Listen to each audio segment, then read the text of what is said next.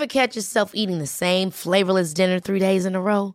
Dreaming of something better? Well, HelloFresh is your guilt-free dream come true, baby. It's me, Gigi Palmer. Let's wake up those taste buds with hot, juicy pecan-crusted chicken or garlic butter shrimp scampi. Mm. Hello Fresh. Stop dreaming of all the delicious possibilities and dig in at HelloFresh.com. Let's get this dinner party started.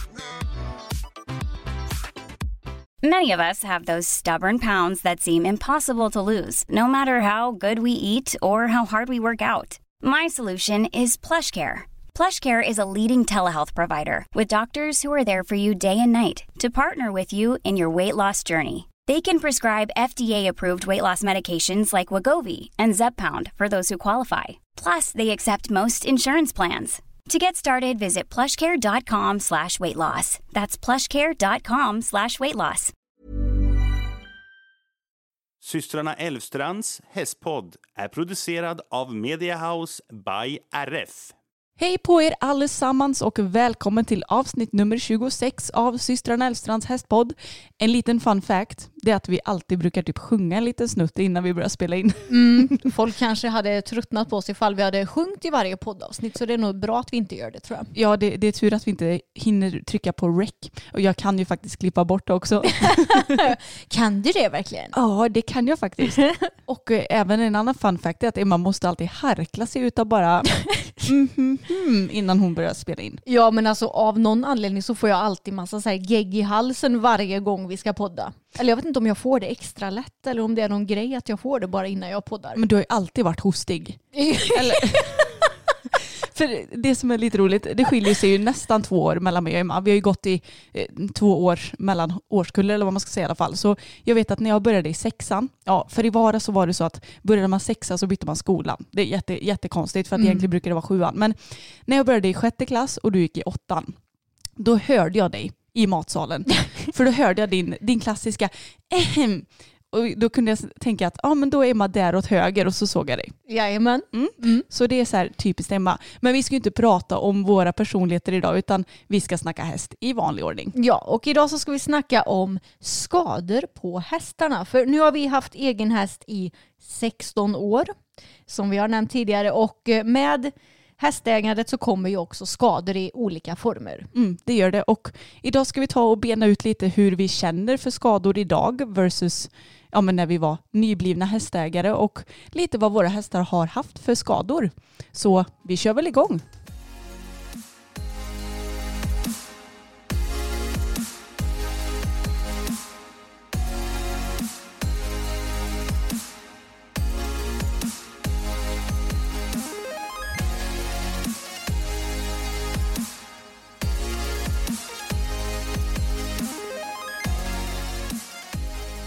Men innan vi drar igång och tjötar om våra hästars skador så får vi göra en liten veckouppdatering precis som vanligt. Och eh, om vi tar det lite i kronologisk ordning så har jag och Bella varit iväg och hopptränat och det gick jättebra. Alltså hon var så himla fin. Ni hoppar högt också. Ja, alltså jag har inte hoppat så himla högt med henne än eftersom att hon eh, fick ju sin skada som vi ska prata om senare och sen så har jag tagit det ganska lugnt med henne för att jag vill bygga upp henne och så att även mitt eget självförtroende ska hänga med i svängarna så att säga.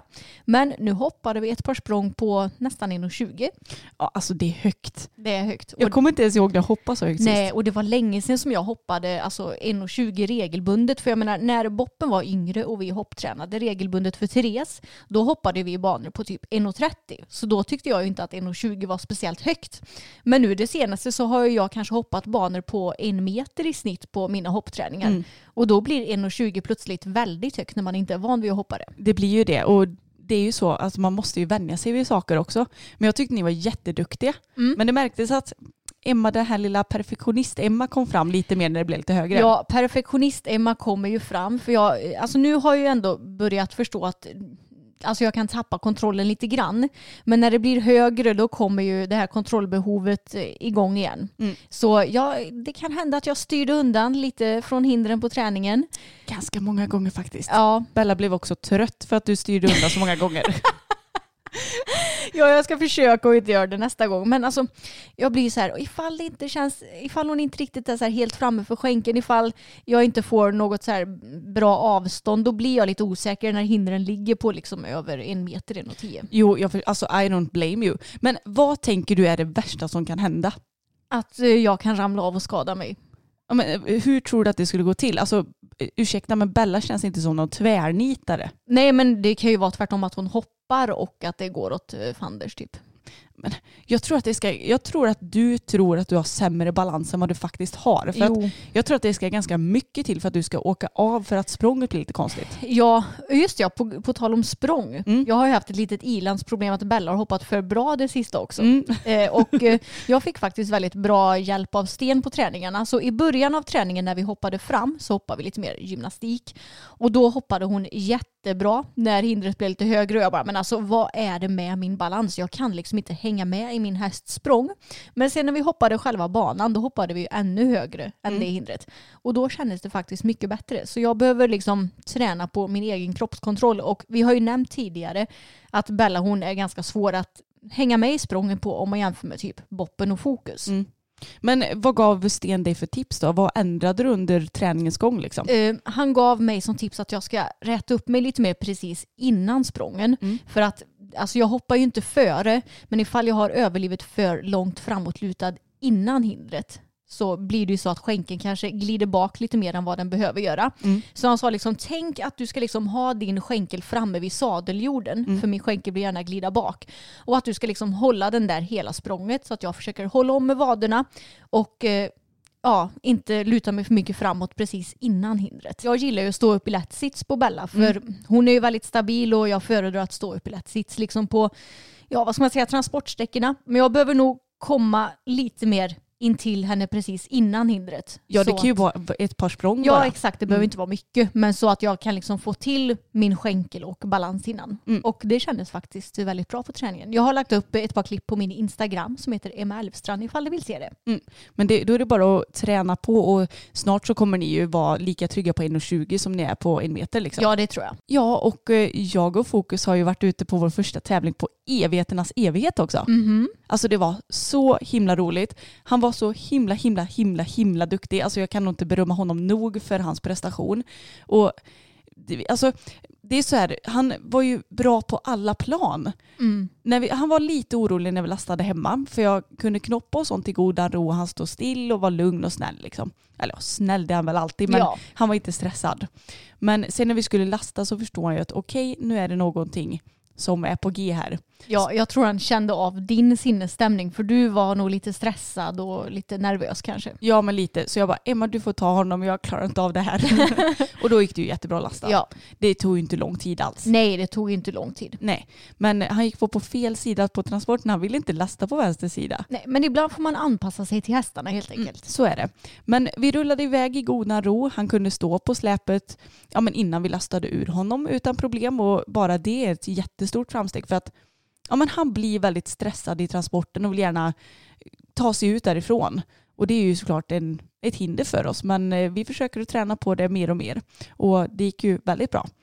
Och sen så var han hur lugn som helst när vi lastade ur honom. Han kikade såklart lite men det var liksom inte huvudet upp i det blå och stressad och blåste utan han tittade lite som att han bara var nyfiken. Mm, och eh, jag kan ju säga att förr i tiden då var det inte så kul att göra i ordning honom på tävlingsplatser för han liksom kunde aldrig stå till. Han gick runt, han sket i vart eh, du som människa stod någonstans och oj helt plötsligt kom det en bog och knuffade till dig. Men så var det inte nu utan han var jätte, jättelugn och snäll. Mm, han stod blickstilla när vi Ja. skulle sadla. Så det var, alltså han var så himla duktig att ha att göra med. Och sen så kunde jag sitta upp och skritta själv bort till framridningen. Du plockade ihop grejerna och var inte med oss överhuvudtaget. Och sen så red vi fram. Han var superfin. Alltså nästan lika fin som hemma. Och jag kände bara, men gud, är det här fokus jag sitter på? ja men så himla, han kändes glassig. Mm. Och det har han inte varit tidigare heller Nej. va? Nej. Alltså jag kommer ihåg sist jag tävlade i Grevagården, nu är ju det över två år sedan då. Och han var helt tokig, han var väl jättespänd då. Mm. Och jag, jag kunde knappt trava för att du vet knäna bara flög upp så här för att han var så spänd. Han travade nästan som man gör när han busar i hagen. Ja. Hoppade över en skugga som kom från en lyktstolpe och var helt så här uppe i det blå. Men han var lugn och fin och det är klart att han tittade lite på vissa grejer men det var inte det var inte det här stirret utan det var mer så här, okej, okay, där är någon sån grej och du vet sådär. Men sen så kom vi in på banan och eh, vi, mm, alltså det är ju två banor på Grevagården som ligger parallellt med varandra och på den banan som vi red på så var det lite så här plastskynken med reklamgrejer på eller vad man säger. Och jag tänkte ja, då får vi väl kika lite på dem. Och han tittade lite på dem, men så fort jag hade visat dem åt båda håll och ridit lite mot dem så att han ändå fattade att de var där, då var det inga konstigheter. Och när vi väl började programmet så blev han lite spänd och han blev framförallt lite tung i min hand. Men annars så gjorde han allt som han skulle. Jag klantade mig på något ställe när jag skulle fatta ny galopp och sådär. Men alltså så mycket mer ridbar än vad han var för två år sedan. Mm. Alltså jag kan ju säga att för mig som stod vid sidan om och kollade så var det en enorm skillnad att se. Han mm. såg, för mitt eh, öga, så såg han ju knappt spänd ut. Jag tror att en utomstående person skulle inte alls tro eller se att han var spänd. Mm. För han såg väldigt lugn ut. Det enda som jag såg, som kanske både berodde på lite spändhet och trötthet, det var att han blev ganska dykig i formen. Ja, och lite ostadig på sina ställen. Men annars gjorde han ju verkligen allt som han skulle. Och sen vet jag också att han har ju mycket mer gång att flasha med än vad du fick fram på banan. Mm. Jo men det har han ju och jag tror som sagt att spänningen sätter sig lite i att han blir lite segare inom citationstecken mm. och att han blir lite mindre formbar. För att jag sa det till min dressyrtränare Amalia att jag fick ju inte riktigt till hörnpasseringarna så som jag ville för att jag vill gärna komma in i dem och verkligen liksom forma hästen men jag fick lite nöja mig med att ja, vi kom förbi hyfsat bra liksom. Mm. Nej men så jag var supernöjd och vi fick 62,33 va? Ja. Mm. Och eh, det roliga var att efter ritten så var jag så här, ja men jag tycker ändå det här är helt okej. För att man får ju alltid en känsla efter en ritt och den var ju inte skitbra med tanke på att ja, men han ändå kändes lite tung och lite bakom skänkel och så. så. Men jag var ändå nöjd, alltså jag var superduper nöjd med hur han hade skött sig och så. Men eh, du sa ju att du tyckte att det var lite lågt. Ja, det tyckte jag. Mm. Och eh, det roliga att först så var jag så här, ja men det får väl Emma tycka då. Men sen så såg jag ju filmen och då tycker jag faktiskt att det är lite lågt. Mm. Och jag tänker att det kan vara lite kul att diskutera lite, alltså lite poäng och lite domarkommentarer när vi ändå sitter här. Mm. Och eh, jag kan ju passa på att tillägga att den här filmen ligger uppe på vår YouTube-kanal nu när ni kan kolla på alla momenten och se vilket poäng, eller vilka poäng som du fick. Mm, för vi sätter ju alltid voice-over på våra dressyrrytter och eh, mm. berättar både poäng och kommentarer, vilket är kul. Men eh, vi fick ju poäng mellan fem och en halv och sju. Och eh, alltså jag tycker ändå att poängen har varit ganska vettiga, även om jag så här, eh, ja, man kan tycka att någon poäng kunde varit lite högre och sådär, som vi ändå har sagt. Men det roliga var ändå en övergång från mellanskritt till arbetstrav så satte domaren en sjua trots att han taktade in i trav. Mm. Och jag tänkte oj det här blir nog ingen bra poäng. Nej. Och då får vi en sjua. Ja och det såg jag också. Mm. Eh, för jag stod ju ungefär där domaren sitter och jag bara oj nu börjar han takta och det blev ju en liten miss. Och mm. så får du en sjua på det. Mm, det tyckte jag var lite konstigt. Och sen så måste vi diskutera en grej. Nu kan ju inte våra lyssnare kommentera i realtid liksom. Men vi kanske kan lägga upp en Instagram-post där ni kan kommentera hur det brukar vara. För det är nämligen så att jag red lätt B2, kanske vi ska tillägga också. Och då ska man rida, det är alltså långbana, då ska man rida från första bokstaven efter hörnet till sista bokstaven innan hörnet, eller vad man nu säger, på diagonal. Och man ska galoppera in, göra ett avbrott till trav och sen så trava över medellinjen och sen fatta galopp igen. Och så komma ut precis innan hörnet. Och jag brukar alltid sikta någon meter innan bokstaven som jag ska rida till för att man verkligen ska komma ut vid bokstaven. Och råkade kanske planera lite dåligt så att jag kom ut lite för tidigt. Men jag kom ju fortfarande ut mellan de två bokstäverna. Mm. Så det var inte vid fel bokstav liksom. Nej. Då satte domaren en minus två på den. Mm. Och det tycker jag är väldigt märkligt för att i min värld, nu vet inte jag vad det står i TR och sånt och det spelar egentligen ingen roll för det här är redan satt och domaren har säkert inte gjort fel, men jag tycker ändå det är lite kul att ta upp till diskussion. För i min värld så är minus två att du har ridit fel och att du har blivit avblåst för att du har gjort fel mm. väg. Samma här. Du visste ju inte om att du hade gjort det när du red utan Nej. du fick ju reda på det när du fick protokollet. Och det lustiga är också att själva momentet som du gjorde jag har för mig att den här övergången och det blev bra. Mm. Men du har ju bara fått en sexa på det. Ja. Så i mina ögon har ju domaren redan liksom dragit av poängen i själva momentet där. Precis. Så du fick ju egentligen, vad ska man säga, typ tre minuspoäng. Ja, nästan. eller precis nästan dubbla avdrag då. Mm. Nej, för, för i min värld så är det så här att rider du fel väg då ska domaren blåsa av dig så du har chansen att göra om och göra rätt för dig. För jag har ju ridit fel en gång helt fel. Ja. N- när jag sa att nu är det en volt och Tage sa men hallå Martin det är mellantrav här. Det var lite kul. Skitsamma, men då fick jag ju minus två och blev avblåst liksom och fick göra om. Mm.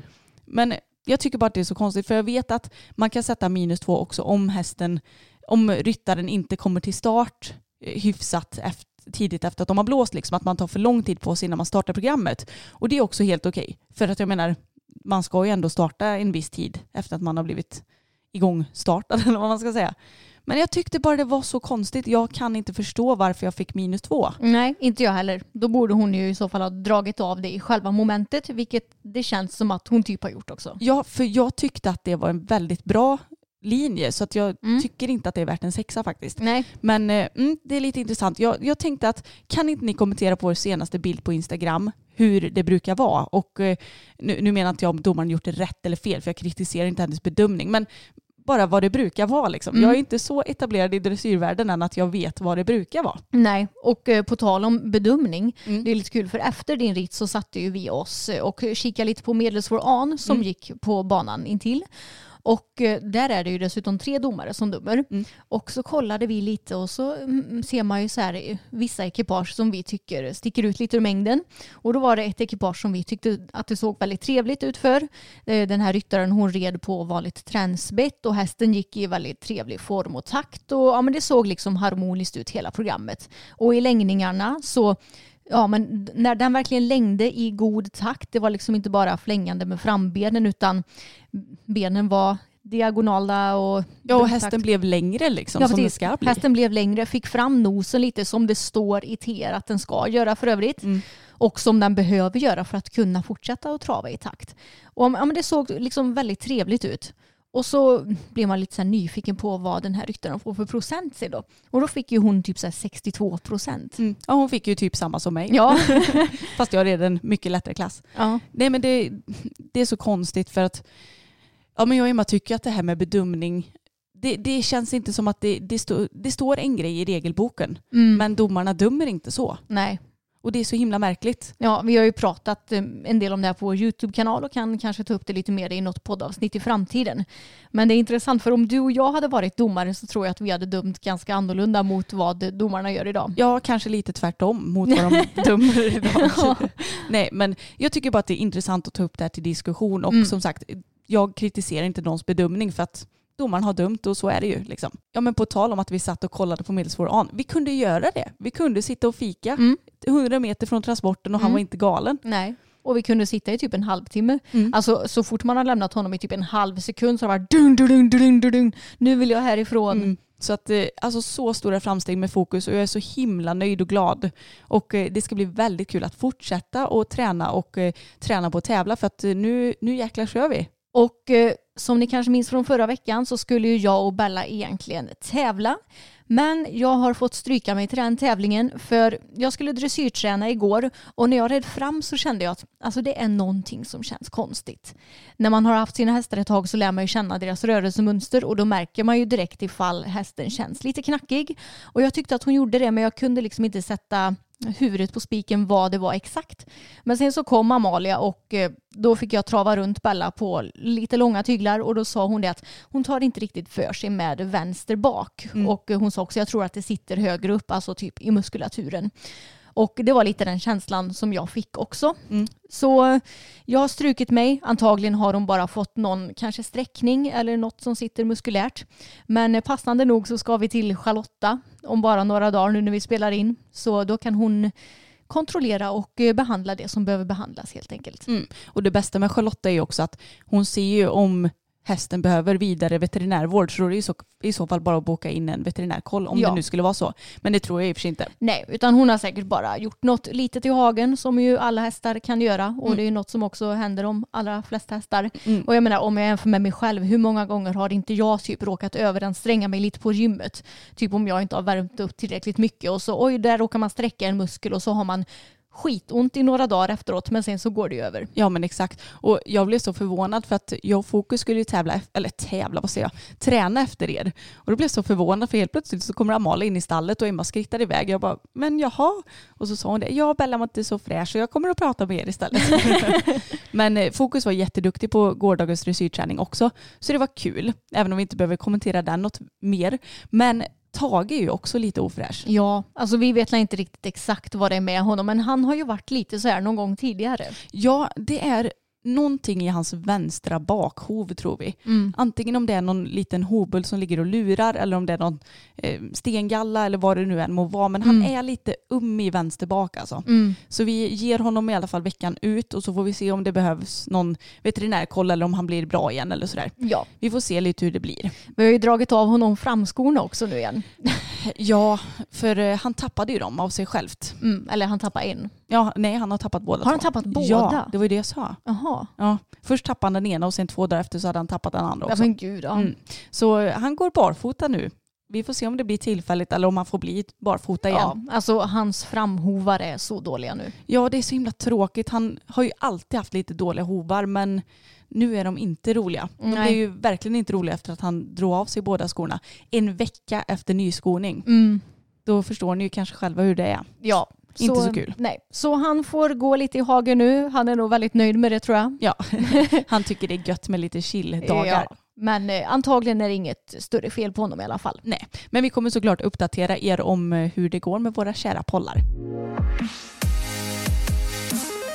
Men efter en lång rant om vad som har hänt i veckan och lite diskussion så ska vi då börja snacka lite om skador. Och vi kan ju passa på att tillägga att vi kommer inte att prata om vår förra unghäst Abbe i det här avsnittet. Han är vår enda häst som vi har varit tvungna att ta bort hittills och det var då på grund av en diagnos som han fick utan vi sparar det till ett annat avsnitt tänker vi. Ja, precis. Så att vi får bena ut det lite mer ingående. Men vi skaffade ju vår första häst Bosse när jag var 11 och du var 13. Och jag har för mig att det inte dröjde så jättelänge innan han blev skadad för första gången. Nej, och jag vet inte ens om det var en riktig skada utan han var väl, vi märkte att han var lite halt någon dag va? Mm, ja, jag tror att det var så.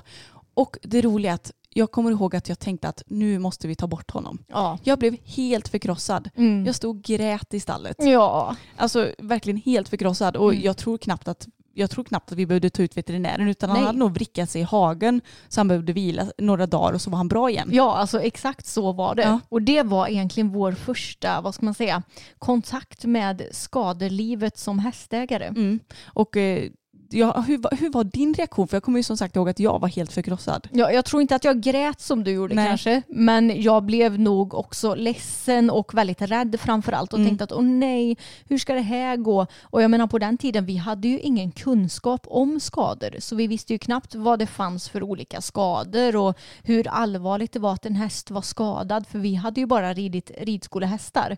Och de mm, var väl typ aldrig skadade i början när vi red där tror jag. Nej, nej, det var de inte. Och egentligen är det inte så konstigt att man blir så rädd när man som sagt inte har den kunskapen. För idag så har vi lite mer kött på benen och vet kanske så här att ja, men nu kanske jag måste oroa mig och nu behöver jag inte vara så orolig. Mm. Så sammanfattningsvis så såg vi väldigt allvarligt på skador förr i tiden och Mm. blev väldigt rädda så fort en häst blev skadad. Men om vi ska gå över lite på Tage då, för han har vi haft längst och också den häst som har haft sämst kropp och mest skador. Alltså det roliga att, eller nej det är inte ens kul, men jag och Emma minns ju inte ens alla skador han har nästan. Nej, eller gud, har nej. haft. Alltså jag minns inte alla skador Tage haft och alla skador Boppen haft. Nej. Alltså det går ju inte. Nej. För grejen är att många säger så här, ja men jag har haft, häst i eh, tio år och jag har aldrig haft någon häst som varit skadad. Nej, då har du haft väldigt tur skulle jag säga. Ja, extrem tur. Eller så har du typ lindat in den i bomull eller någonting. För att det går nästan inte att ha häst utan att ha några skador. Nej, I alla fall inte om de får lov att vara lite häst. nej. Och som vi nämnt tidigare så har vi ju färre skador nu när de går i stora hagar än vad de hade förr. Mm, När verkligen. de var i lite mindre hagar. Mm. Men Tage, alltså det som jag minns allra starkast det var ju när han fick sina ridbarhetsproblem. Mm. Och eh, Tage han, eh, när var detta Emma? Var det 2012? Alltså menar du när han nickade med huvudet bara eller menar du när han, När han sparkade menar jag. när han sparkade? Ja, det måste väl ha varit eh, runt eh, 2011 någon gång där Ja. tror jag. Ja men något sånt. Det var länge sedan i alla fall. Och då minns jag att ja, men det gick bra att skritta och trava med Tage. Men så fort du skulle galoppera så Mm. började han galoppera i världens mest samlade galopp. Mm. Gick inte fram för skänken och ställde sig och sparka. Ja, Och la du på ett spö liksom, då sparkade han ju ännu mer. ja. Och jag kände bara, men herregud, vad händer? Kan jag inte rida längre eller vad är det här? Mm. Och det dröjde väl inte särskilt länge innan vi åkte in till veterinären. Nej.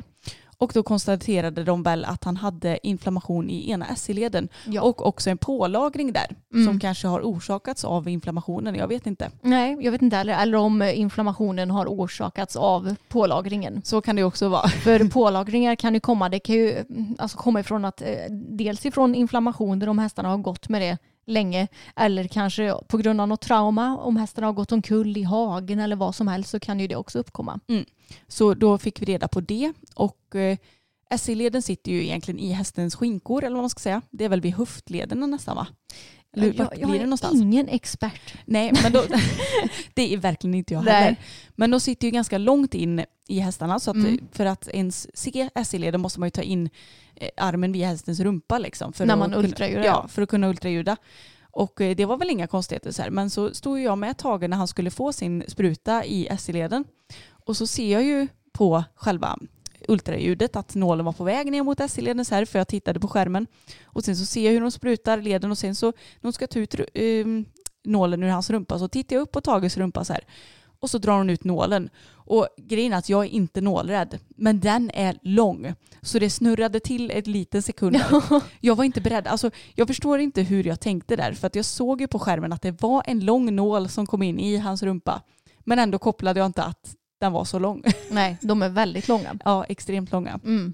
Men det är ju egentligen den skadan som har han har haft värst symptom på skulle jag Ja, säga. och som har, precis, som har visat sig tydligast. Ja. Och den skadan har väl också återkommit i alla fall någon mer gång tror jag.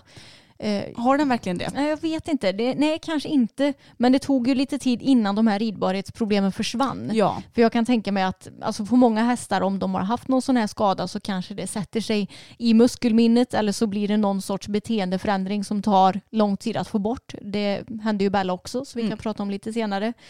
Men sen efter det så har han ju haft ett eh, antal inflammationer i sina bakknän också. Mm, det har han haft. Och jag vet inte om det beror på att han har lite skador här och var som gör, eller skador, men förändringar här och var som gör att han avlastar dem genom att lägga mer vikt på bakbenen. Eller om det har varit att han har ridits fel. Det Mm. kan ju vara det senare alternativet. Mm. För nu har han ju inte sprutats på många år. väldigt många år. Ja. och eh, känns ju dunderfräsch. Och det roliga är att, jo men sist tror jag att jag var inne i slutet av 2016 om jag inte minns helt fel. Och eh, då så sa veterinären, men hur har du kunnat känna det här? Det är så extremt liten inflammation. Mm. Och då sa jag, ja jag känner väl den här hästen nu. Ja, och eh, det ska tilläggas att då hade ju vi ridit extremt varierat i tre år redan. Mm. Så då kan ni förstå hur känslig han är. Väldigt känslig. Men jag tror att det har varit gynnsamt för honom att vi har ridit ut ännu mer nu. Mm. Och dessutom så kan jag väl lite mer om ridning nu än vad jag kunde för de Jo. fyra år sedan. Det kan du ju. Mm. Men just inflammationer i bakknäna, det känns som att det är något som kanske lätt drabbar dressyrhästar. För de rids, eh, ursäkta nu generaliserar jag, Ja. men de rids mycket på banan. De rids väldigt mycket samlat, alltså att de får lägga mycket vikt på sina bakben och eh, till slut så blir de överansträngda och då kommer inflammationerna. Och ifall det sker så måste ju du som ryttare liksom se över din ridning, dina rutiner och din träning och lägga om den. Men jag tror att det är ganska vanligt att mm, vissa personer inte gör det utan att de bara fortsätter att spruta och spruta. Ursäkta, du tror att? Jag vet att det är så. Ja. Man sprutilurar lite i leden och sen så låter man hästen vila och så sätter man igång och så gör man samma sak igen. ja, för många ser ju inte så allvarligt på det här med att spruta lederna. Nej. Men det kommer ju med risker ska tilläggas. Ja, alltså det var egentligen något som jag inte visste så mycket om heller. För det är kanske inget som veterinärerna direkt nämner Nej, alltså sådär jättemycket. lite grann. Mm. Men man får ju inte alls den informationen som man borde få kan jag tycka. Nej, eh, för det är ju nämligen så att när en häst blir sprutad i leden så finns en liten risk att eh, man kan spruta in, är det bakterier? Säkert. Ja, jag kan säga fel nu, men de kan bli jätte, jätte, jättesjuka och kan, alltså man kan ju behöva ta bort hästen för att den blir så himla dålig. Mm. Och eh, jag vet att jag läste det hos en Instagram-profil, jag vet inte om hon vill eh, att man ska uttala hennes namn så Mm. det gör inte jag. Men eh, det var första gången som jag läste så ordentligt om det och eh, hon var nästan tvungen att, eller det, hennes häst strök nästan med och den, Mm. det är en jättefin dressyrhäst Mm. för att hon ja, men sprutade leden på den. Och det är ju hemskt att det ska behöva vara så. Mm. Men vi kanske ska nämna det här. Du sa ju att han gick och nickade också när vi red. Ja, Vad var det för någonting då? Ja, alltså det är så kul för det här var ju innan han fick sina inflammationer. Och då liksom började han gå och nicka med huvudet i traven så att det såg ut som att han var liksom halt. Men Men han var ju tygelhalt han som var vi kallar det. tygelhalt. Men det var också inte när alla red utan när jag red så visste jag hur jag skulle, vad ska man säga, kompensera det här. Ja. Men om någon annan hoppar upp och red så blev han tygelhalt. Mm. Men vi kollade upp det här hos veterinär och liksom röntgade hela ryggen och halsen och allting och det var ingenting. Nej, det enda de konstaterade var att han hade lite pålagringar på manken. Mm. Men han har väldigt fina ryggkotor. Oh ja, det har han. Trots att han är typ 50 centimeter lång i ryggen. Det är helt otroligt att den hästen inte har kissing spines Ja, alltså. verkligen. Men eh, de problemen har han ju inte alls idag. Nej, och det roliga är att jag kommer ihåg att vi blistrade honom Emma. Ja, Kommer du ihåg det? Ja. Mm. Alltså grejen är att jag, jag måste googla ens vad blistra är. För Alltså, att jag minns knappt. Det är väl typ någon sorts extra starkt liniment som typ så här, ja, nästan bränner. Just det. Alltså det, det är väl ingenting som man ska syssla med idag eller som man gör idag ens. Nej, jag tror inte det va? Nej. Men eh, om jag googlar här på blistra häst, nu har jag kommit in på något random blogginlägg här, då står det att blistring används uteslutande inom trav och hos ridfolk är det allmänt kallat för djurplågeri. Men Oj. herregud, det används oftast för att få en ökad blodcirkulation i till exempel ett skadat ben. Mm. Ja, och man kan ju råka blistra en häst också vet jag, om man använder liniment och typ packar in den med täcke eller någonting. Mhm. Men eh, hur som helst, det, det var något som vi gjorde ett par gånger bara för att se om den här tygelhältan kunde gå över. Men vet ni vad det var som ändrade den här tygelhältan? Ett kortare bett. Ja, Mm, då helt sjukt. försvann den. Då bara tjoff. Mm. Vi gick från 12,5 till 11,5 i bettstorlek på Tage och poff så var de problemen borta. Ja, verkligen.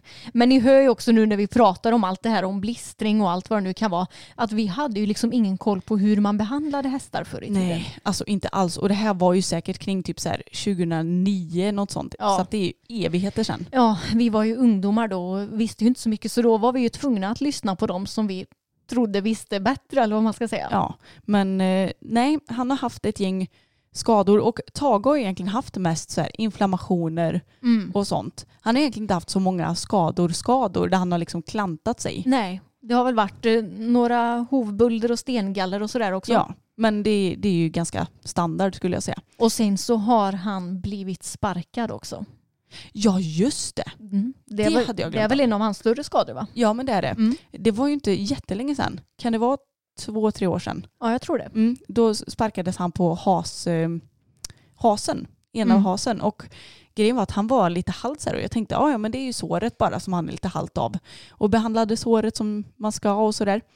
Och sen så hade det läkt ihop och då skulle jag försöka att rida igång honom så då skrittade jag och det kändes bra. Men så fort jag började trava så haltade han jättemycket och jag bara men gud vad är det här? Så då eh, åkte vi in till veterinären så fort vi kunde för att jag kände att det här är inte okej. Och då visade det sig att en liten, liten benflis hade lossnat från hasen. Så att han hade såklart jätteont. Mm. Och jag hade så ont i hjärtat.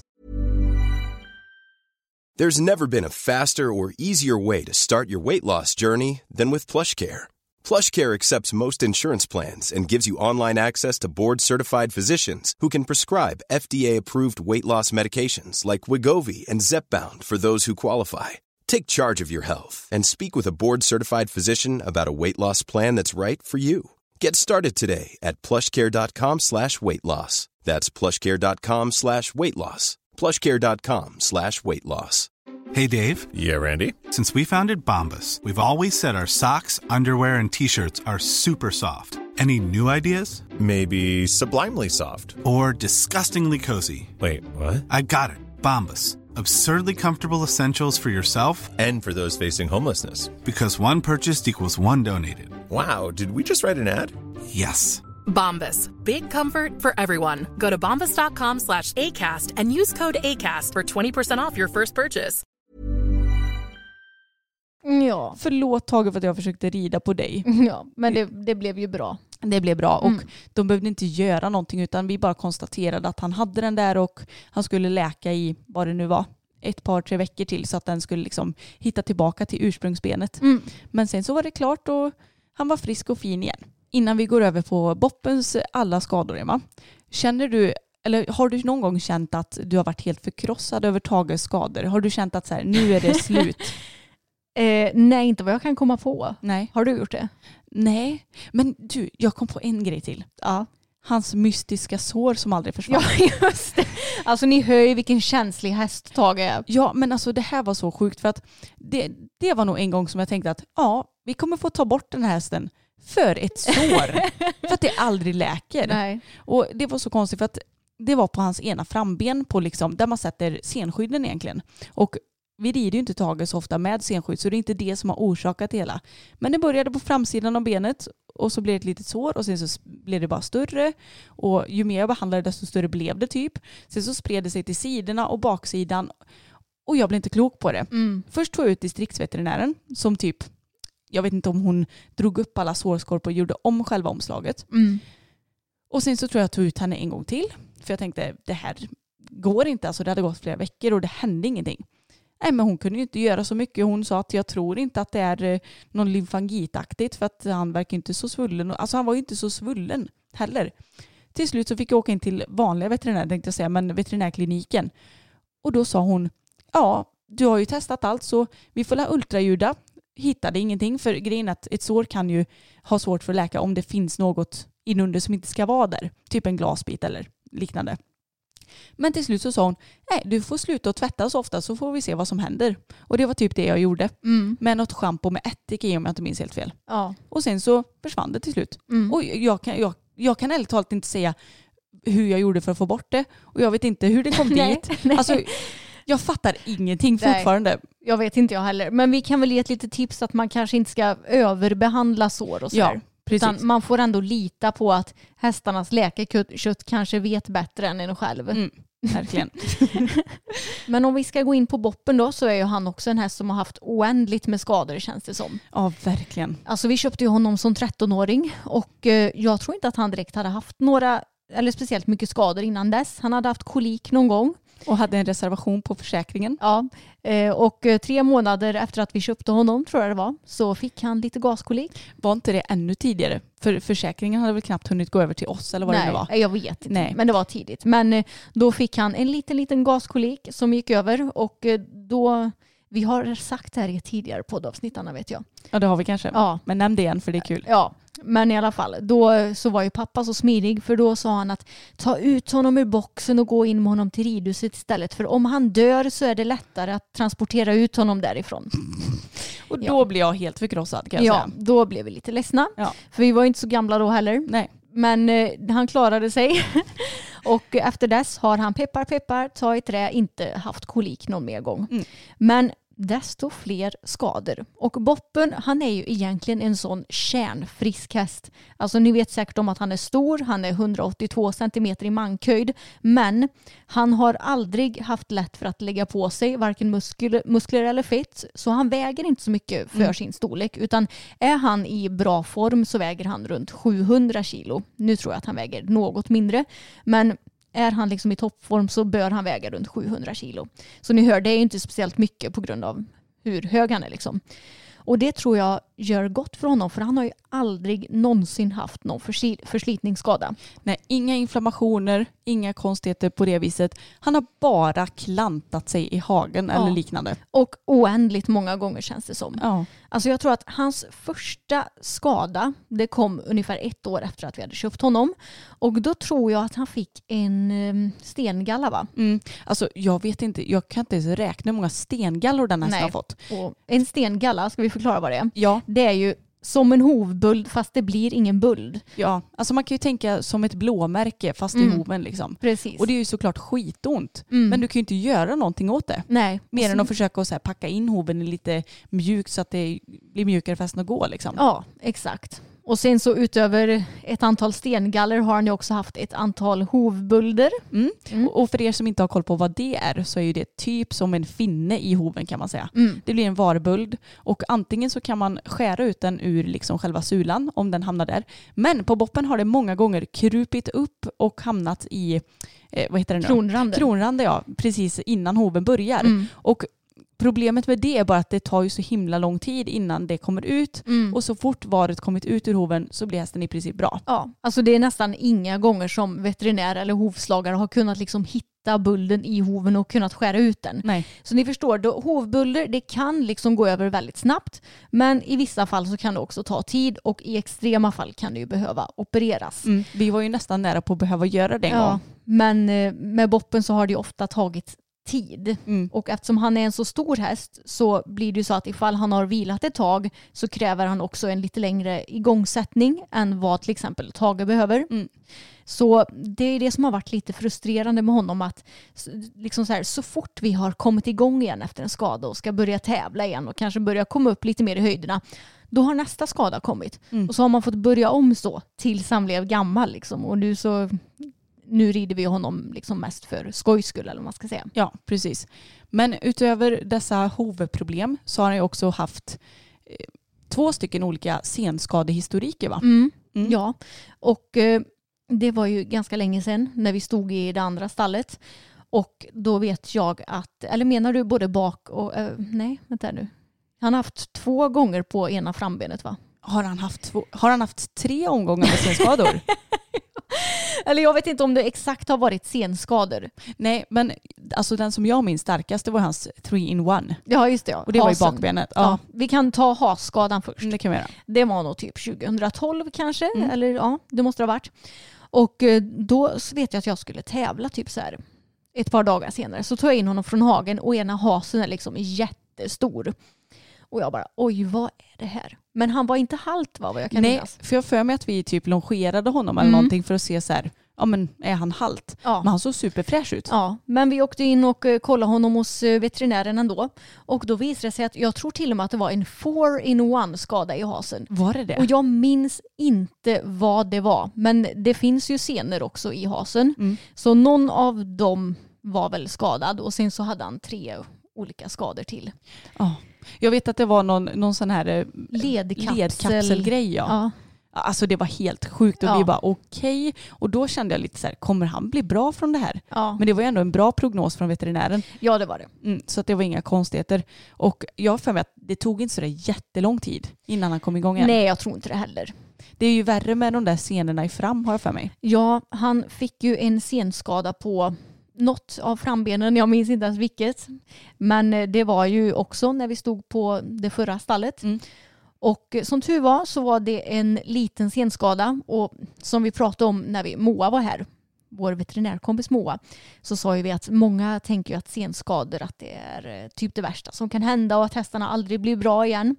Men för vår del så krävde det faktiskt inte så lång rehabilitering vad jag kan minnas. Nej. Men det är klart att han skrittade ju länge och det tog lång tid för honom att komma igång. Och sen vet jag att när vi flyttade hit hästarna då blev han skadad på det benet igen. Jaha, var det då han blev skadad ja? Ja, Alltså gud, ni hör ju, vi minns ju knappt ens skadorna, så många har det varit. nej, så då ska, jag vet inte om det var senan där som blev skadad men det krävde ju inte lika lång rehabilitering i alla fall. Men det är väl egentligen de senskadorna han har haft. Mm. Och sen har jag också blivit sparkad två gånger. Ja. En gång så blev han sparkad på typ insidan ganska högt upp av frambenet. Mm. Alltså nästan om ni tänker er eh, där kastanjen sitter fast ännu lite högre upp och Ja. verkligen på insidan. Förstår inte hur en häst lyckades sparka honom där. Nej. Men då så ringde i alla fall, hästarna var på sommarbete och då ringde den som bodde på själva sommarbetet och sa att "Ja, en häst blöder väldigt mycket och vi bara ja okej och så kom vi ut i stallet och det sprutade blod. Ja. Och Boppen var helt obrydd. Vi typ Mm. petade i såret för att verkligen få rent och han bara stod där. Ja. Han är ju Tages motsats kan man säga. Ja. Han bryr sig inte mycket om sådana grejer. Och sen så för, ja det blir väl två Det var väl i samma veva som Tage blev Ja, skadad typ. De, de var skadade samtidigt. Mm. Så blev Boppen sparkad på sin bog.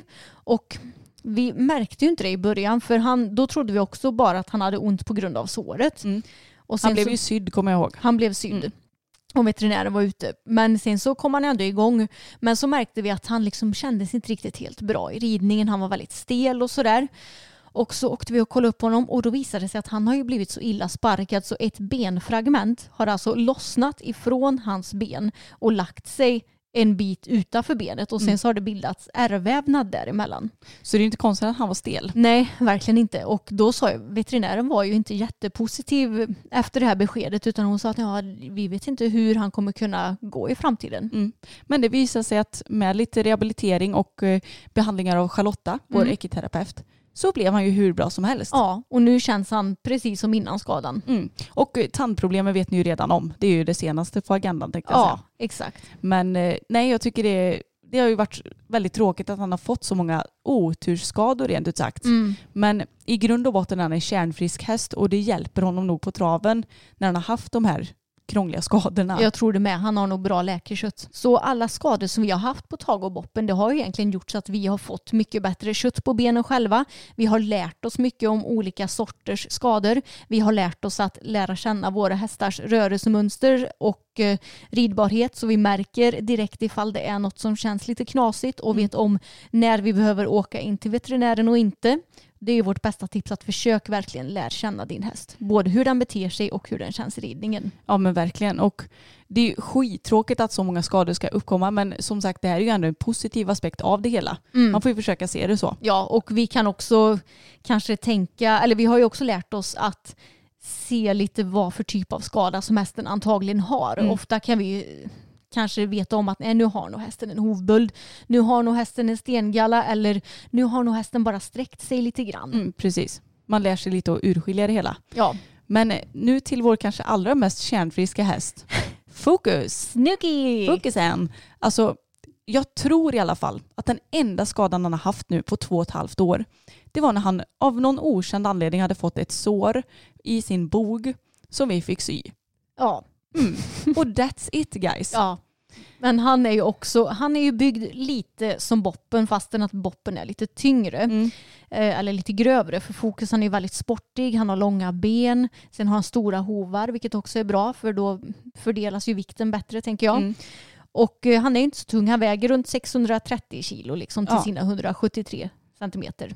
Ja men precis och alltså det känns så himla skönt och jag är så glad över att han inte heller har fått några ridbarhetsproblem för att jag tycker alltid att det är lite svårt även om jag, vi har ju vår filosofi som vi har med tre dagars uteritt per vecka och tre dagars jobb eller vad man ska säga på banan så vet man ju aldrig riktigt förrän man har haft sin lilla filosofi på den hästen ett tag om det funkar eller inte. Och nu har vi ju dessutom börjat trappa upp ännu lite mer med träning och allt och han hoppar och grejar. Och än så länge så är, har, håller han ju hur bra som helst. Men eh, vi får se lite. Men jag, än så länge känns det väldigt bra och eh, jag är glad över att han är Ja, men han, han, han sköter sig i hagen tänkte jag säga. Ja. Men ja, han är ingen klantis. Nej, verkligen. Och, Än så länge. Peppar peppar ta i trä. ja, och med sådana här hästar som är kärnfriska eller vad man ska säga så är det ju bra att vettchecka dem för att verkligen kontrollera så att det inte är något litet litet, litet som man har missat. Mm. Och det gjorde ju vi senast för, ja vad blir det, två, tre månader sedan. Mm. Och det var ju helt utan anmärkning så då vet ju du om att du har gjort ett korrekt arbete med honom och kan fortsätta med det.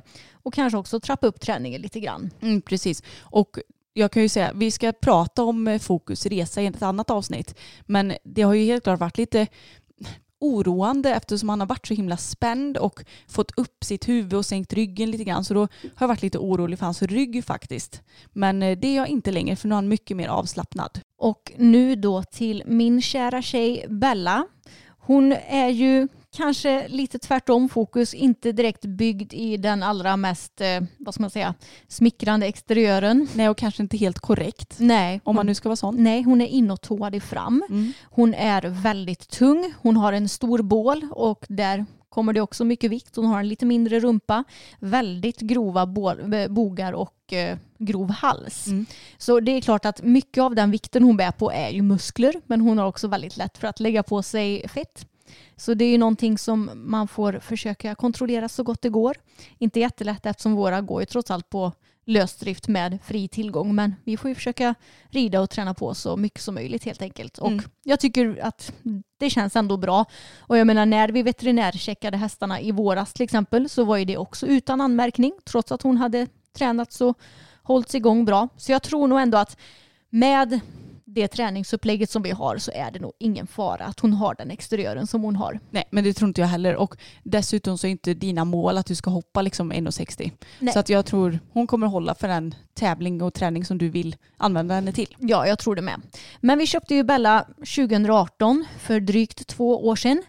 Och hon var ju verkligen min drömhäst. Hon var så härlig. Men ett halvår efter att jag köpte henne så fick jag ett rent mardrömsbesked. Och det hela började med att när jag skulle rida henne så från en dag till en annan så var hon jätte, jättesur. Alltså hon har alltid varit liksom tre, trevlig och snäll att rida i paddocken, inte hållit på och sparkat och stegrat och sådär. Men, Även om hon kunde varit lite stoig. Det har ja, alltid ja varit. lite Mm. stor har hon varit. Men det har inte varit, vi har inte haft några ridbarhetsproblem i alla fall. Nej. Och helt plötsligt när jag ska rida henne så är hon jättesur. Hon sparkar och sparkar och sparkar. Och jag bara, men vad är det här? Jag kunde inte känna att hon var halt på något sätt. Så jag tog ut en eh, ekoterapeut som eh, fick kika igenom henne och som sa att eh, typ bäckenet var lite skevt eller vad det nu var. Så hon behandlade det två gånger tror jag. Men det blev ändå ingen skillnad. Så då åkte jag in med henne till kliniken för att kolla upp henne. Och grejen är att när man har haft hästar så länge som vi har så har man ju oftast någon magkänsla om hur det kommer gå när du åker in på kliniken. Eh, vi kommer prata mer om det i Abbe-avsnittet sen. Men när jag åkte in med Bella så hade jag ändå en magkänsla om att det kommer nog inte vara så himla farligt. Hon kanske har någon inflammation som behöver behandlas och eh, sen att hon blir bättre. För Bella hon är precis som Tage, en häst som verkligen säger ifrån om det är något som hon tycker är fel. Mm. Vilket är bra. Ah. Vi gillar ju sådana hästar. Det är så mycket bättre med sådana hästar än med sådana som Boppe som bara går och biter ihop hela tiden. Mm, verkligen. För då ser du tydligt när det är något fel. Ja. Men i alla fall, vi åkte in till kliniken och eh, det blev ju så att de ultraljudade hennes rygg eller ja området. efter lite böjprov och grejer först. Ja, Men precis. eh, sen så tog de sig an ryggen. Ja, Och eh, man såg ju egentligen redan när de tittade på henne att det var inga glada miner. nej det var inga glada miner. Mm. Eh, och Bella var ju bara fem år då dessutom, Mm. ska tilläggas. Och det visade ju sig att hon hade en diskdegeneration på sin vänstra sida. Och grejen är att diskdegeneration det kan lite jämföras med människas diskbrock. Mm. Och jag har lustigt nog diskbrock på exakt samma ställe som Bella, fastän jag är människa då. Och fick det nästan samtidigt också. Mm. Men kan du inte beskriva lite vart Bella sitter någonstans? Eh, det sitter på vänster sida och så pre- precis mellan eh, vad heter det, L5 S1. Ja just det, så Eller precis. L, L6 S1. Har hästar sex eh, ländkotor? Jag vet inte, men Nej. precis innan ryggen går över till att bli rumpa kan man väl nästan ja, säga. Mm. exakt det kan man säga. Mm. Så där sitter hennes diskgeneration och det har antagligen kommit på grund av ett trauma i hagen. Typ att hon har gått omkull eller något liknande. Eller att hon har fläkt sig, halkat och liksom att bakbenen har glidit isär. Ja, alltså åh, jag ryser bara du säger det där. Fy fan, Ja. rent ut sagt. Så hon har antagligen haft väldigt, väldigt ont på grund av det här. Vilket ju inte är så konstigt. Nej. Och med hästar så är ju tydligen det här med diskskador ganska så oforskat. Fick ju vi reda på. Mm. Och de sa att vi vet inte om hon kommer kunna gå som ridhäst i framtiden och vi vet inte hur hennes framtidsplaner kommer se ut. Utan räkna med nu att hela vintern så kommer hon inte att kunna bli riden utan att eh, hon får bara vila nu tills vidare. Och det var i november som hon blev skadad ska tilläggas. Mm. Så då visste jag att okej, det här kommer i alla fall bli en väldigt lång rehabilitering. Oavsett hur eh, den kommer att se ut. Och alltså jag blev så ledsen när jag fick det här beskedet verkligen. För det var ju som sagt min drömhäst. Och jag kände liksom bara, vad fan har jag gjort för att förtjäna det här? Mm. Alltså jag lägger upp träningen verkligen så att det ska vara så bra som möjligt för våra hästar. Våra hästar har den bästa möjliga hästhållningen som finns. Alltså varför ska just jag och Bella bli drabbade av den här skadan när jag gör allt för min häst? Mm, det var hjärtskärande för en annan att se på Ja. kan jag säga. Nej, det var så jävla jobbigt verkligen. Nej, så vi åkte hem den dagen och var såklart väldigt ledsna båda två. Eh, Även om Bella inte är min häst så sätter hon sig också i hjärtat. Och vi tänkte lite att alltså, man ska inte grotta ner sig för mycket när man har fått ett dåligt besked. Men det är klart att man tänker ju det värsta. Det går inte att undvika någonting annat. Mm. Så vi tänkte bara att okej, nu åker vi hem och eh, börjar vår re- rehabilitering. Och eh, jag vet att du fick ju ett schema. Du skulle ut och promenera mycket med henne. Och sen så skulle du så småningom börja tumköra ett par dagar i veckan. Mm. Så pappa han har fått tumköra Bella mycket. Ja, det har han gjort. Och eh, det har gått väldigt bra. Mm. Han tyckte att det var roligt. Och sen så blev hon också behandlad av vår ekiterapeut Charlotta. Det var väl ganska regelbundet då, i Mm. början vill jag minnas. Och sen så blev det diverse återbesök på återbesök och hon blev ju bättre och bättre för varje återbesök. Så då märkte man ju att veterinärerna blev mer och mer hoppfulla om att hon kanske skulle kunna funka som ridhäst i framtiden. Och eh, ja, idag, ni vet ju om att hon gör det. Ja. Så det blev ju ett lyckligt slut på den här sagan till slut. Men det har varit väldigt mycket upp och ner och det sa ju också veterinären att det här kommer att, alltså ni kommer få medgångar och motgångar i den här rehabiliteringen. Och det som har varit jobbigast egentligen, det är ju att hennes ridbarhet förändrades ju efter skadan. Ja. Och eh, hon, jag vet inte om det har satt sig i både hennes skalle och hennes muskler, men hon var ju väldigt, väldigt sparkig efter skadan. Det var hon och det var lite jobbigt för att man blir ju väldigt orolig då. Ja. Och det ska tilläggas att jag fick ju rida igång henne för att du hade ju diskbråck samtidigt. Ja, så Charlotta hade förbjudit mig från att rida Ja. eftersom jag var skev på samma sätt som Bella. Mm. Så då fick jag, den raka människan, eh, rida igång henne. Och alltså jag glömmer aldrig när jag skulle sitta upp på henne i paddocken, sätter i foten i stigbygeln, sätter i foten i den andra när jag precis suttit upp och hon bara bockar iväg med mig. och jag bara släppte tygen och typ ställde mig upp i lätt sits och väntade ut henne. Mm. Och då sa Tema, alltså okej, är hon liksom glad? Är hon sur? Är hon, har hon ont? Då vet jag att jag tyckte att det var så konstigt bara. Ja, Så hon var ju lite sån ett tag. ja, hon var väldigt skeptisk ett tag och Mm. då blir ju vi oroliga. Vi har liksom fått bekräftat av veterinären att ni kan rida igång henne och ni ska rida igång henne enligt det här schemat. Men när ens häst beter sig annorlunda mot vad den har gjort innan så blir du ändå väldigt orolig. Mm. Men eh, vi höll ut och vi fortsatte med enligt veterinärernas schema och simsalabim, hon är ju så ridbar hon kan. Ja, alltså det har verkligen blivit bättre och bättre. Och det ska tilläggas att det tog lång tid innan det här försvann. Mm. För det har egentligen alltid varit värst i vår egen paddock. För det är ju där som hon, alltså där vi upptäckte skadan och där det har suttit, eller vad man ska säga, i hennes skalle allra mest kanske. Så jag vet att eh, väldigt länge så var det ena delen av paddocken var hon väldigt, alltså då, då skulle hon sakta in och så började hon att liksom tjura ihop lite grann Ja. och var inte alls framme för skänken utan tjurade för den. Och det tog ganska lång tid innan hon var liksom ordentligt framme för skänken hemma i paddocken. Ja, och det släppte ju för er båda för det ska ju tilläggas att det beror ju säkert både på mig och Emma också att det här har uppkommit för att när Bella börjar krumma ihop då blir man genast lite mer alltså, spänd och stel. Ja. ja. men precis och vänta på att det ska hända någonting och vågar kanske inte inverka på samma vis. Men Nej. nej, alltså det känns otroligt skönt att det gick vägen och glad och tacksam över att pappa kunde ta alla de här tumkörningspassen och Mm. över bommar var det ju så att hon skulle liksom stärka Ja. upp sin rygg och mycket sånt där. Mm. Så att eh, det har varit värt det även om resan tillbaka var ganska lång. Det var en lång rehabilitering. Vi började väl hoppa lite små, små banor igen efter typ ett halvår kanske. Mm. Och eh, nu har det ju gått ja, över ett och ett halvt år efter skadan. Mm. Och hon känns ju fantastisk i ridningen idag. Alltså Eh. hon, hon är ju mycket bättre än innan skadan. Ja, jag skulle bara precis fråga, är hon tjurig i paddocken? Nej, nej. Nej. Det är hon inte. Du märker inte av några sådana gamla grejer? Nej, verkligen inte. Utan de enda små ridbarhetsproblemen hon har det är ju hennes små sva- svagheter i kroppen som hon har och Mm. som vi alltid behöver jobba med. Precis som alla hästar har små svagheter som man behöver jobba med. Utan nej, och det har också varit väldigt bra att vi har tränat mentalt för vår tränare Anna. Verkligen. För det har hjälpt väldigt mycket också. Så eh, jag är så himla glad nu och jag trodde nog aldrig att vi skulle vara tillbaka på den här nivån. Jag tänkte att ja, i värsta fall får jag väl ta föl på henne för Mm. det kontrollerar vi också ifall vi skulle kunna göra och det sa de att det är inga problem när hon hade blivit så pass bra då. Men eh, nu är hon igång och tävlar igen och eh, som sagt hon känns bara bättre och bättre i ridningen hela tiden. Hon blir starkare och starkare hela tiden och jag är så glad över min lilla häst. Och en sån här stor skada det är ju att du blir så mycket mer tacksam och uppskattar vardagen så mycket mer med din häst. Alltså verkligen.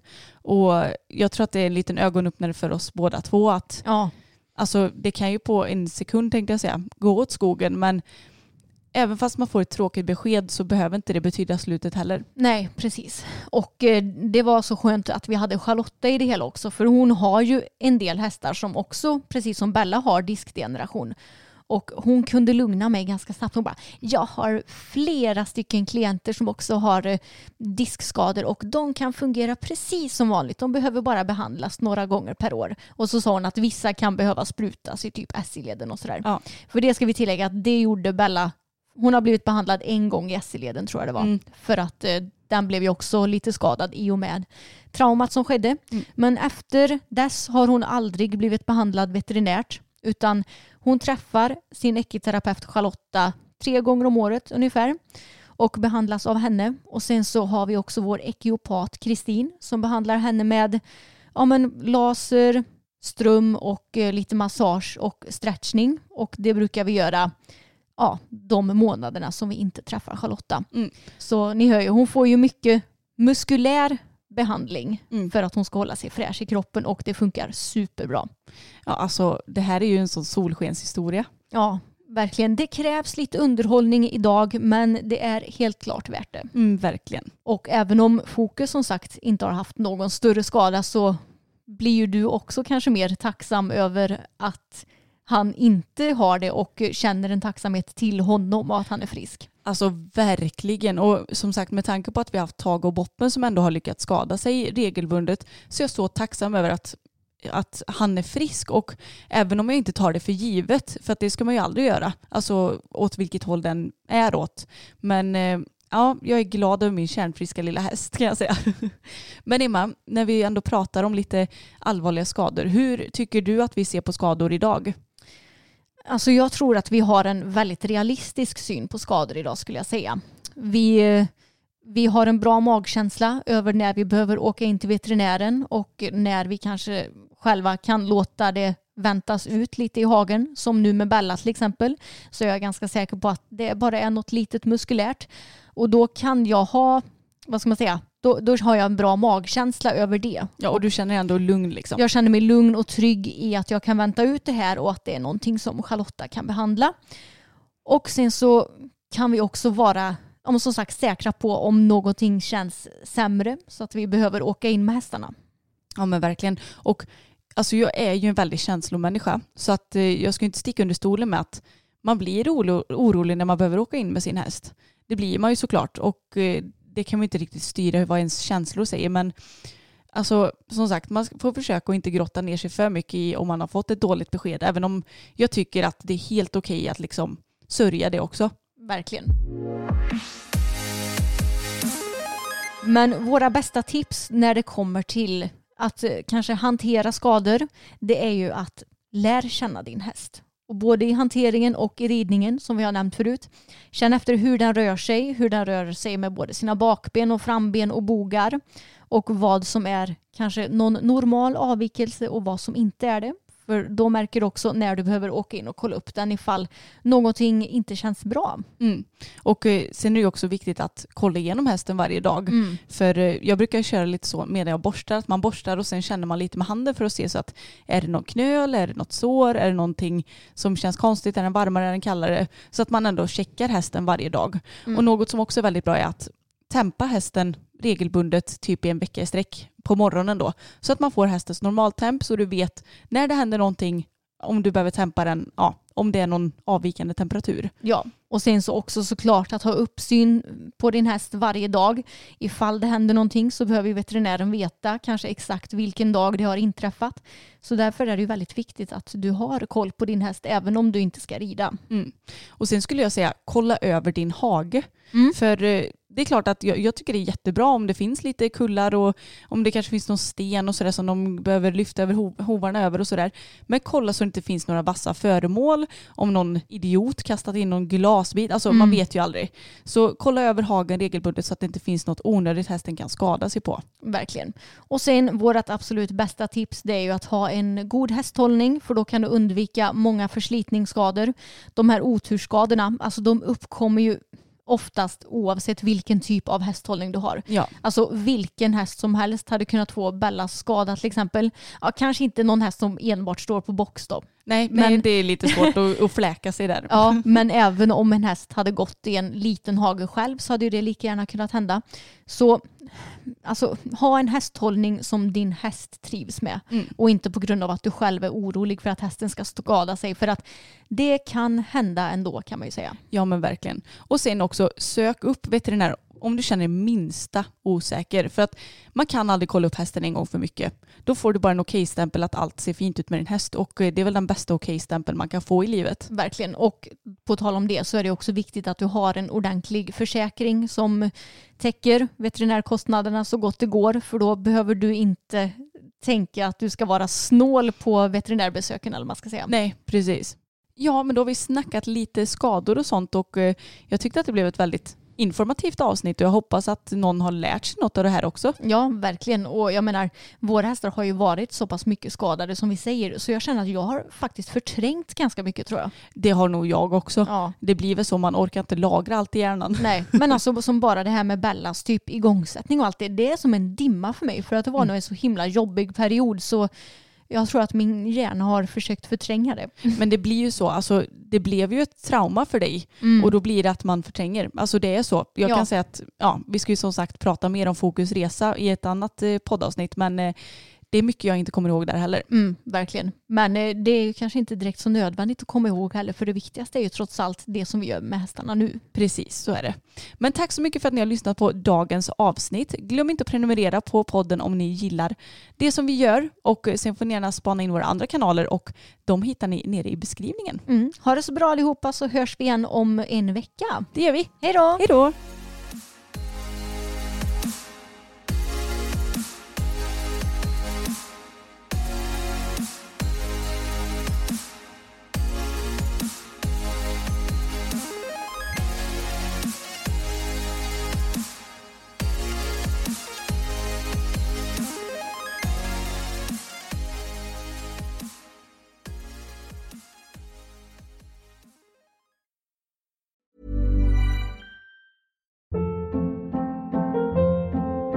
Hold up. What was that? Boring. No flavor. That was as bad as those leftovers you ate all week. Kiki Palmer here, and it's time to say hello to something fresh and guilt-free. Hello Fresh. Jazz up dinner with pecan-crusted chicken or garlic butter shrimp scampi. Now that's music to my mouth. Hello Fresh. Let's get this dinner party started. Discover all the delicious possibilities at hellofresh.com. Imagine the softest sheets you've ever felt. Now imagine them getting even softer over time. That's what you'll feel with Bowl and Branch's organic cotton sheets. In a recent customer survey, 96% replied that Bowl and Branch sheets get softer with every wash. Start getting your best night's sleep in these sheets that get softer and softer for years to come. Try their sheets with a 30-night guarantee. Plus, get 15% off your first order at bowlandbranch.com. Code BUTTERY. Exclusions apply. See site for details.